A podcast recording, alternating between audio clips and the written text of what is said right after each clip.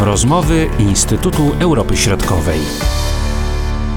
Witamy naszych słuchaczy w rozmowach Instytutu Europy Środkowej. Tradycyjnie Marcin Superczyński i Szczepan Czarnecki. Witam Cię, Szczepanie. Dzień dobry. Jesteśmy świeżo po pierwszej turze wyborów prezydenckich w Czechach. Kilka tygodni temu zastanawialiśmy się, kto ma największe szanse. E, stawialiśmy tutaj na Andrzeja Babisza, oczywiście Petra Pawla.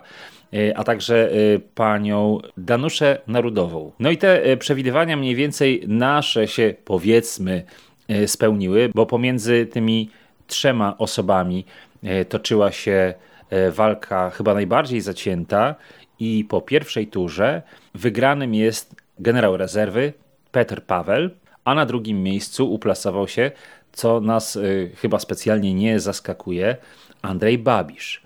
Co można powiedzieć o tej pierwszej turze wyborów prezydenckich? Po pierwsze, należy zwrócić uwagę, że ta pierwsza e, tura e, cieszyła się bardzo wysoką frekwencją, e, najwyższą w historii wyborów powszechnych prezydenckich w Republice Czeskiej. Ta frekwencja wyniosła ponad 68%, dokładnie 68,24%, także widać, że społeczeństwo czeskie było aktywne, jeżeli chodzi o udział, a także no, była to odpowiedź na, na kampanię wyborczą.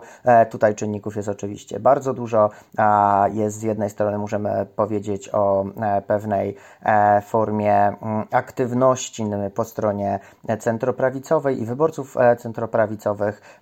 No tutaj samo zwycięstwo generała Pawła, ale także i zainteresowanie, no i niewątpliwie też ta polaryzacja społeczna, która towarzyszy Czechom już bardzo długo, stąd też ta aktywność się wzmaga, ta debata polityczna, która dotyczy też problematyki prawda, rządu e, przed rokiem mieliśmy, no ponad rokiem mieliśmy wybory parlamentarne. Ona w tym momencie e, e, jest też widoczna właśnie w tej kampanii prezydenckiej. Jak możemy ocenić tą kampanię prezydencką, z którą mieliśmy do czynienia i czego możemy się spodziewać przed drugą turą? Zaczynając od kampanii, kampania e, w pierwszej turze i a kampania, która będzie prowadzona w drugiej turze, to są całkowicie dwie e, różne kampanie. Ta pierwsza nie możemy mówić, żeby była po pierwsze agresywna, była bardziej stonowana. Tutaj oczywiście wycofanie się Andrzeja Babisza, czy to z debat, czy z rozmów z dziennikarzami. E, sam Babisz wziął udział w ostatniej debacie w czwartek przed wyborami, tutaj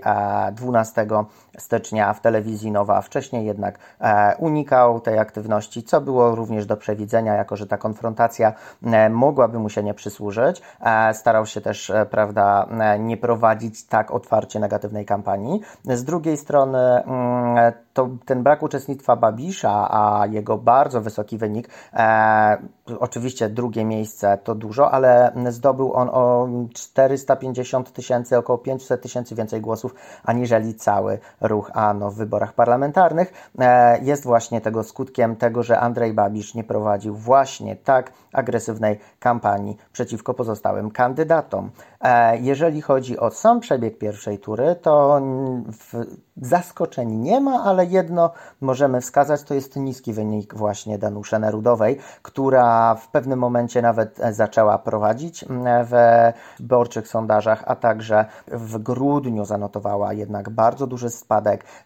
Debaty w telewizji nie pomogły kandydatce, przez co e, oczekiwany jeszcze w grudniu powyżej 20% wynik zakończył się e, na niecałych 14%. E, no niewątpliwie to zwycięstwo generała Pawła również nie tyle jest zaskoczeniem, co e, skonsolidował on swój kapitał polityczny, przejmując również część wyborców Nerudowej już w pierwszej turze, stąd mógł zająć właśnie pierwsze miejsce. Możemy powiedzieć, że jest faworytem tej drugiej tury, czy też y, Andrzej Babisz może liczyć na głosy które dadzą mu ostateczne zwycięstwo. Hmm, ja zaryzykuję stwierdzeniem, że Petr Paweł, tak, możemy go wskazać jako lidera tej drugiej tury. No i tutaj właśnie też odniosę się od razu do e, prawdopodobnego przebiegu kampanii e, prezydenckiej w drugiej turze, która zdecydowanie zmieni swoje oblicze, która będzie zdecydowanie bardziej agresywna, która będzie bardzo negatywna i tutaj szczególnie ze strony Andrzeja Babisza, który już w swojej pierwszej wypowiedzi podczas konferencji prasowej po ogłoszeniu wyników w sobotę 14 stycznia zaczął atakować byłego generała i kandydata Petra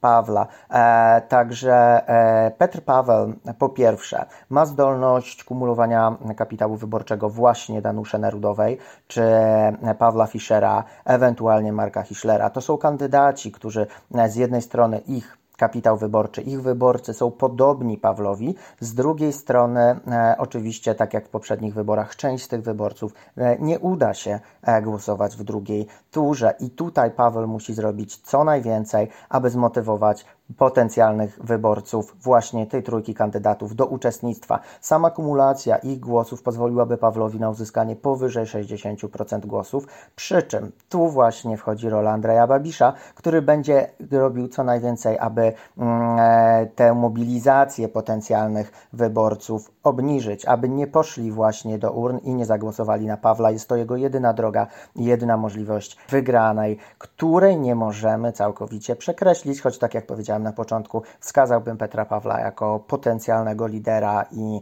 e, i e, postać, która zwy, zwycięży w drugiej turze. Czyli czym niższa frekwencja wyborcza, tym lepiej dla Andrzeja Babisza, tak można w uproszczeniu pewnym powiedzieć. Bądź niższa z perspektywy kandydatów, którzy odpadli, czyli tej trójki, które, o której wspomniałem, szczegół, w szczególności Danusze Nerudowej i Pawła Fischera, którzy łącznie uzyskali około 20% głosów. Także e, tutaj jak najbardziej będą e, widoczne próby przekonywania tych wyborców. Mówimy tutaj o e, wyborcach jednak prawicowych, częściej wielkomiejskich, którym co będzie przeszkadzało, to zdecydowanie komunistyczna przeszłość generała Pawła, jego, e, jego edukacja w w, w dziedzinie wywiadowczej e, będą przez Babisza wykorzystywane, co jest niewątpliwie ogromnym paradoksem przez, ze względu na to, że sam Andrzej Babisz był zarówno członkiem partii komunistycznej, a jak i e, widnieją jego dane jako agenta czy też współpracownika służb bezpieczeństwa STB, e, w których miał być od, e, działać od roku 1982. Tutaj Petr Paweł oczywiście ma za sobą również komunistyczną przeszłość, jest to 5 lat e, bycia w partii komunistycznej, no i właśnie ta wskazana edukacja e, w zakresie wywiadowczym, która jest przez Andrzeja Babisza wykorzystywana, no i nie tylko to. Sam Babisz podkreśla, że Petr Paweł to tak naprawdę wojna, a Andrzej Babisz to pokój. Podkreśla, że jest to generał. Sam Babisz już odwołał się do wielu kwestii, to jest ochronię Czechy przed wstąpieniem do tego konfliktu. Nie, Czesi nie będą walczyć w tym konflikcie. Przyjmuje już w tym momencie troszkę E, orbanowską perspektywę braku uczestnictwa i braku zaangażowania Republiki Czeskiej w, e, w wojnie w Ukrainie, przez co dla Ukrainy zwycięstwo Andrzeja Babisza będzie jednak e, tym rozwiązaniem niewątpliwie gorszym z tej perspektywy właśnie wsparcia czy chociażby utrudniania e, pomocy e, czy, czy działań Republiki Czeskiej na tym polu, a to szczególnie, że Andrzej Babisz jest również skonfrontowany, skonfliktowany z rządem Republiki Czeskiej, która, e, który ten właśnie cel w tym momencie wypełnia i realizuje. Co jeszcze moglibyśmy dodać do tego, co powiedziałeś przed chwilą? Co oznaczałaby dla Czech prezydentura Andrzeja Babisza, a co prezydentura Petra Pawła? E, zdecydowanie tutaj, jeżeli chodzi o prezydenturę Petra Pawła, jest to prezydentura, która byłaby niewątpliwie wygodniejsza dla rządu, który poparł Pawła jako kandydata, choć musimy tu przypomnieć, że Petr Paweł występuje w tych wyborach jako kandydat obywatelski. E, druga kwestia to e, obywatelski, to znaczy nie reprezentuje partii rządzącej i jest to kandydat, który zebrał ponad 80 tysięcy głosów od poparcia, rejestrując swoją kandydaturę. Petr Paweł to niewątpliwie też też postać, która e, powtarza e, cały czas, jak ważna jest demokracja, jak ważna jest stabilność, jak należy przeciwdziałać dezinformacji, jak e, ważna jest rola Czech w konflikcie w Ukrainie. Jest to kandydat, który po pierwsze stawia na bezpieczeństwo, na bezpieczeństwo Czech, jak i szerzej Europy, który wskazuje na swoje doświadczenie w tym zakresie, które zdobywał w NATO, ale także kandydat, który podkreśla, jak duże znaczenie ma demokracja. Paweł odnosi się także do swojej przeszłości komunistycznej, nazywając to wprost błędem swojej młodości. Mówi o tym, że był po prostu do tego komunizmu socjalizowany przez swoich rodziców, że nie posiadał innych wzorców, że wstąpił do partii w 1985 roku, ale że jednak jest kandydatem, który dziś wie, w jakim znajduje się miejscu i jakie znaczenie ma demokracja. Andrzej Babisz to natomiast jednak całkowicie odmienna po postać. Jest to biznesmen, jest to osoba, która jest skoncentrowana na kumulowaniu swojego kapitału, która w dużym stopniu do tej pory wykorzystywała jako premier wcześniej e, Republiki Czeskiej. Musimy przypomnieć tutaj, że Andrzej Babisz, e, przewodniczący ruchu ANO, był premierem Republiki Czeskiej. Wykorzystywał pozycję do e, również działań i biznesowych. Jest to kandydat, któremu też można wiele zarzucić, jeżeli chodzi o narrację populistyczną, o postać, która polaryzuje w dużym stopniu czeską społeczność i wykorzystuje do tego również swoją pozycję, w tym media i mm, zaplecze finansowe. Mówię tutaj o mediach, gdyż Andrzej Babisz jest e, jednym z najbogatszych Czechów, choć oryginalnie jest Słowakiem. E, posiada w swoim portfolio szereg e, instytucji, w tym właśnie jedne z najważniejszych e, mediów w Republice Czeskiej. Także niewątpliwie dla stabilności, dla różnego mm, rodzaju mm, zagrożeń, w tym zagrożeń hybrydowych, dla zagrożeń dezinformacyjnych, jak i kategorii bezpieczeństwa i oczywiście przeciwdziałania populizmowi Petr Paweł byłby kandydatem niewątpliwie dla Republiki Czeskiej e, bezpieczniejszym, e, przy czym podkreślić należy, że jest to kandydat, który jest bardzo sceptyczny wobec Wiktora Orbana, także należy też tutaj wprowadzić do tej debaty, co dalej z Grupą Wyszehradzką. To jeszcze trochę będziemy musieli czekać na odpowiedzi, między innymi na y, to pytanie, które przed chwilą zadałeś.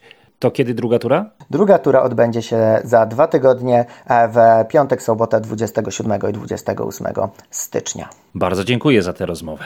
Szczepan Czarnecki i Marcin Superczyński. Do usłyszenia. Do usłyszenia. Były to rozmowy Instytutu Europy Środkowej.